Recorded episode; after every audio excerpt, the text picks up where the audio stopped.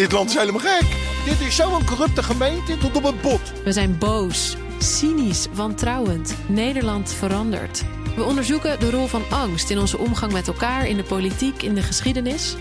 Seizoen 2 van de podcast Polder in de Fik. Waarom we zo bang zijn. Abonneer je nu in je podcast-app. The Daily Move. BNR Nieuwsradio. Kees Dorrestein en Liesbeth Staats. We praten verder over het lang verwachte stikstofrapport van Johan Remkes. Remkes wil eh, binnen een jaar 500 tot 600 grote uitstoters uitkopen en zegt dat de kritische depositiewaarde niet heilig is. Het kabinet moet van hem vasthouden aan de doelen voor 2030. Dat zijn zo'n beetje de belangrijkste conclusies. In Den Haag staat onze politiek verslaggever Leendert Beekman. Ja, Leendert, kun je eigenlijk zeggen dat Remkes die stikstofimpasse heeft doorbroken? Klein beetje wel, want de dialoog is in ieder geval weer gestart. Ondanks dat er ook wel harde conclusies staan in het rapport. Zoals je net al zei, de uitkoop van boeren. Er moet er echt een, uh, een sprint gemaakt worden. Er moet een sprint maken het aankomend jaar. 5 tot 600 piekbelasters uitkopen.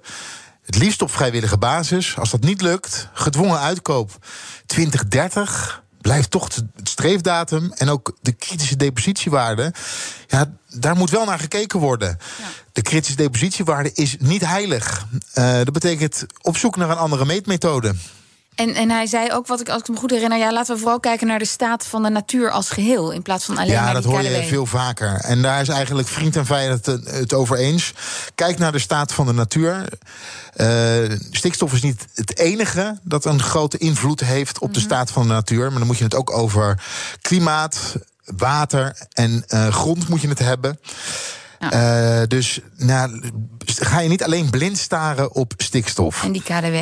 Nou was er in deze zomer ruzie in de coalitie... na dat uh, roemruchte ja. interview van CDA-leider Hoekstra in het AD... Uh, daar sprak hij zich vooral uit over dat jaartal 2030. Hij zei dat ja, het voor hem in niet. ieder geval die ruzie over. Ja, ja, hij, hij zei dat is voor mij dan weer niet heilig. Is, is dat probleem dan nu van tafel? Het probleem is nog niet helemaal van tafel. Want 2030 is dat dan nog heilig? Wil je daaraan vasthouden? D66 wel. En D66 wil het ook gewoon nog in de wet zetten. Nou, volgens mij is uh, Remkes heel duidelijk over de doelstelling uh, 2030. Maar het is niet heilig. Ja, alleen niemand is heilig. Uh, maar de doelstelling, uh, die moet je wel in de wet opnemen. Uh, om daarmee te voorkomen dat je eigenlijk een aanpak hebt die. of eigenlijk om te garanderen dat je een aanpak hebt die echt daadwerkelijk leidt tot herstel van de natuur, dan wel achteruitgang voorkomt. Ja, dus Geert de Groot van D66 is er vandaag duidelijk over. We gaan dat gewoon in de wet zetten. Het CDA wil nog niet zo ver gaan. Wij hebben volgende week uh, ga ik, uh, of ik ga uh, Johan Remkes uitnodigen voor een gesprek met de Tweede Kamer.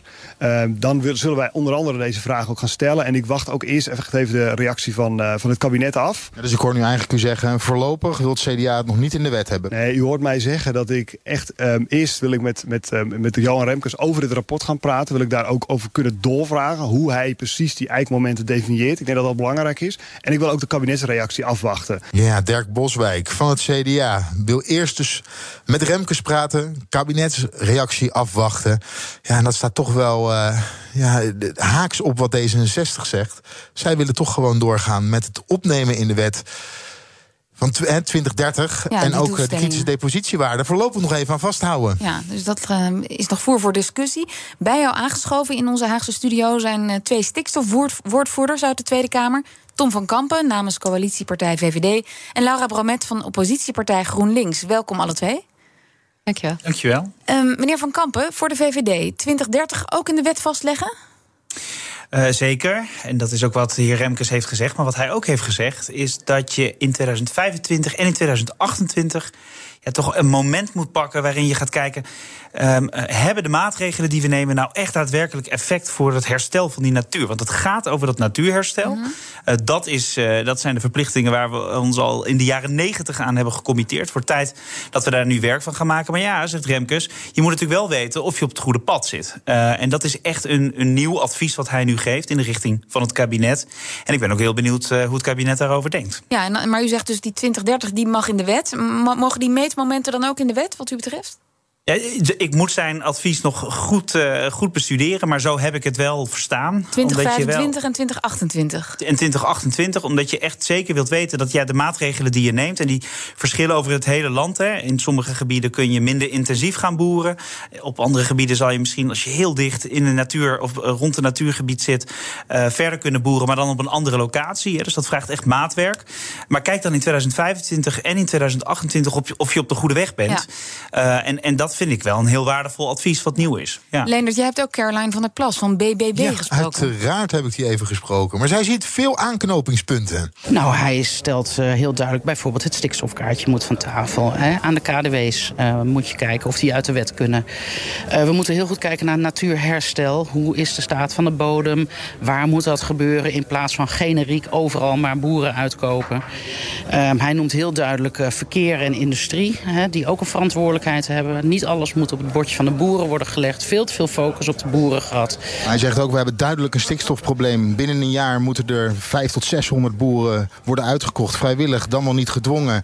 Want de ruimte is nodig om bijvoorbeeld te bouwen en de pasmelders te helpen. Ja, ik zeg het weer. Jullie journalisten luisteren gewoon echt totaal niet wat Remke zegt. Ja, ik snap wel dat het leuk is om het te framen. Ze moeten worden uitgekocht. Nee, hij heeft gezegd, en dit stukje mag je niet knippen... Uh, hij heeft gezegd dat het, de reductie ook kan komen door andere manier van bedrijfsvoering. Ze kunnen misschien gaan verhuizen. Ze kunnen met innovatieve oplossingen komen. En als iemand echt helemaal die deadline niet haalt... en het kan echt niet, pas dan wordt er uitgesproken. Ja, Lisbeth, je hoort dat je, je ook mocht niet knippen, dat je maar... vrij kan shoppen. Nee, maar hoe je kan ook vrij shoppen in dat advies. Ja, met, met de uitkoop hoe het zit. In een jaar, 5 tot 600 piekbelasters uitkopen. Het idee is vrijwilligheid. Dan kan er gekeken worden, ga iets anders doen. Zorg ervoor dat je minder stikstof uitstoot. Het kan echt naar nul toe gaan. Zo niet, ga verhuizen. Dan komt er een, een bod, hè, op het moment dat het allemaal niet lukt. En op het moment dat je dat niet wil aannemen, kan er uiteindelijk, als je niks wil, kan je gedwongen uitgekocht worden. Oké. Maar de vraag is een beetje, hè, want we hebben het PBL-rapport eergisteren hebben we gezien. En daaruit blijkt dat uitkoopregelingen, zowel vrijwillige als gedwongen, niet zo effectief zijn als dat het kabinet hoopt dat ze zijn. Oké, nou ja, dus er zit eigenlijk voor iedereen wat in. Iedereen shopt een beetje in dat rapport. Ja, dat kan je wel zeggen. Dat uh, horen we vandaag ook. Iedereen loopt hier wel met een tevreden gezicht door het gebouw heen. En mevrouw Bromet, kunt u de conclusies van Remkes ook zo uitleggen met een glimlach? Ja, eigenlijk wel. Dus het is ongelooflijk knap van uh, Johan Remkes dat hem dat gelukt is. Uh, en het gaat ook vooral, denk ik, over de uitleg van uh, zijn rapport. En daar zullen we afwachten wat het kabinet gaat zeggen. Ik ben blij dat mijn collega van de VVD zegt dat het doel voor die halvering van de stikstofuitstoot in 2030 dat het wettelijk moet worden vastgelegd. Daar ben ik het ook helemaal mee eens. Mm -hmm. Maar ja, we zullen moeten kijken of het lukt om in een jaar tijd 500, 600 boeren ehm, over te laten schakelen naar natuur inclusieve landbouw of, uh, of te laten stoppen. Het moet wel, want uh, Johan Remkes heeft ook heel duidelijk geschreven in zijn rapport dat als we de stikstofuitstoot niet naar beneden krijgen, dat de hele vergunningverlening in Nederland stil komt te liggen. En dat is nog buiten het, ja, buiten het aspect van de natuur die steeds verder wegkwijnt. Ja. En als het nou niet vrijwillig lukt, hè, is gedwongen uitkoop dan onontkoombaar voor u? Nou, ik heb eigenlijk vanaf het begin, dat is al 3,5 jaar geleden gezegd... je kan niet zeggen dat alles op vrijwillige basis gebeurt. Natuurlijk hoop ik ook dat mensen meewerken. Maar als de natuurkwaliteit voorop staat van een bepaald gebied... en in, een in, de, in dat gebied geen één boer vrijwillig wil stoppen... dan zul je wel moeten met dwangmiddelen. Uh, en ik sta daar helemaal niet voor te juichen, hoor. Begrijp me niet verkeerd. Maar het gaat echt om de natuurkwaliteit en die moet verbeteren. Ja, en meneer Van Kampen, ja, ziet u het gebeuren... om in één jaar tijd 600 boeren vrijwillig uit te kopen?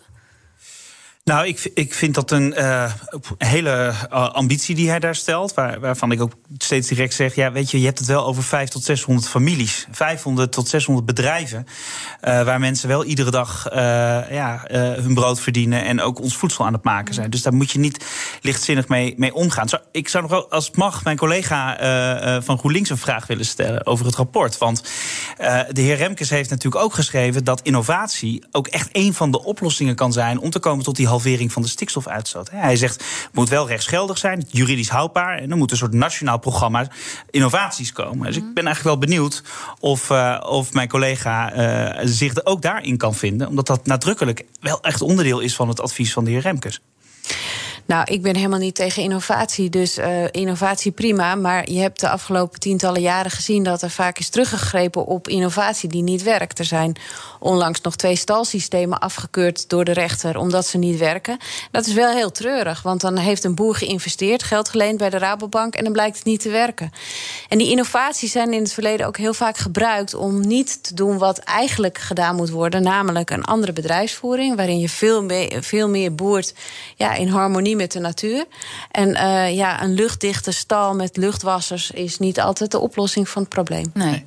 nee maar het is natuurlijk wel mooi dat de heer Remkes wel ook verwijst dat voor ook die vorm van landbouw, de hoogproductieve landbouw zoals hij dat noemt, ja, ook in Nederland in de toekomst nog steeds een plek is. Dus ik, ik, nou ja, daar, dat vond ik mooi dat hij daar ook op wees.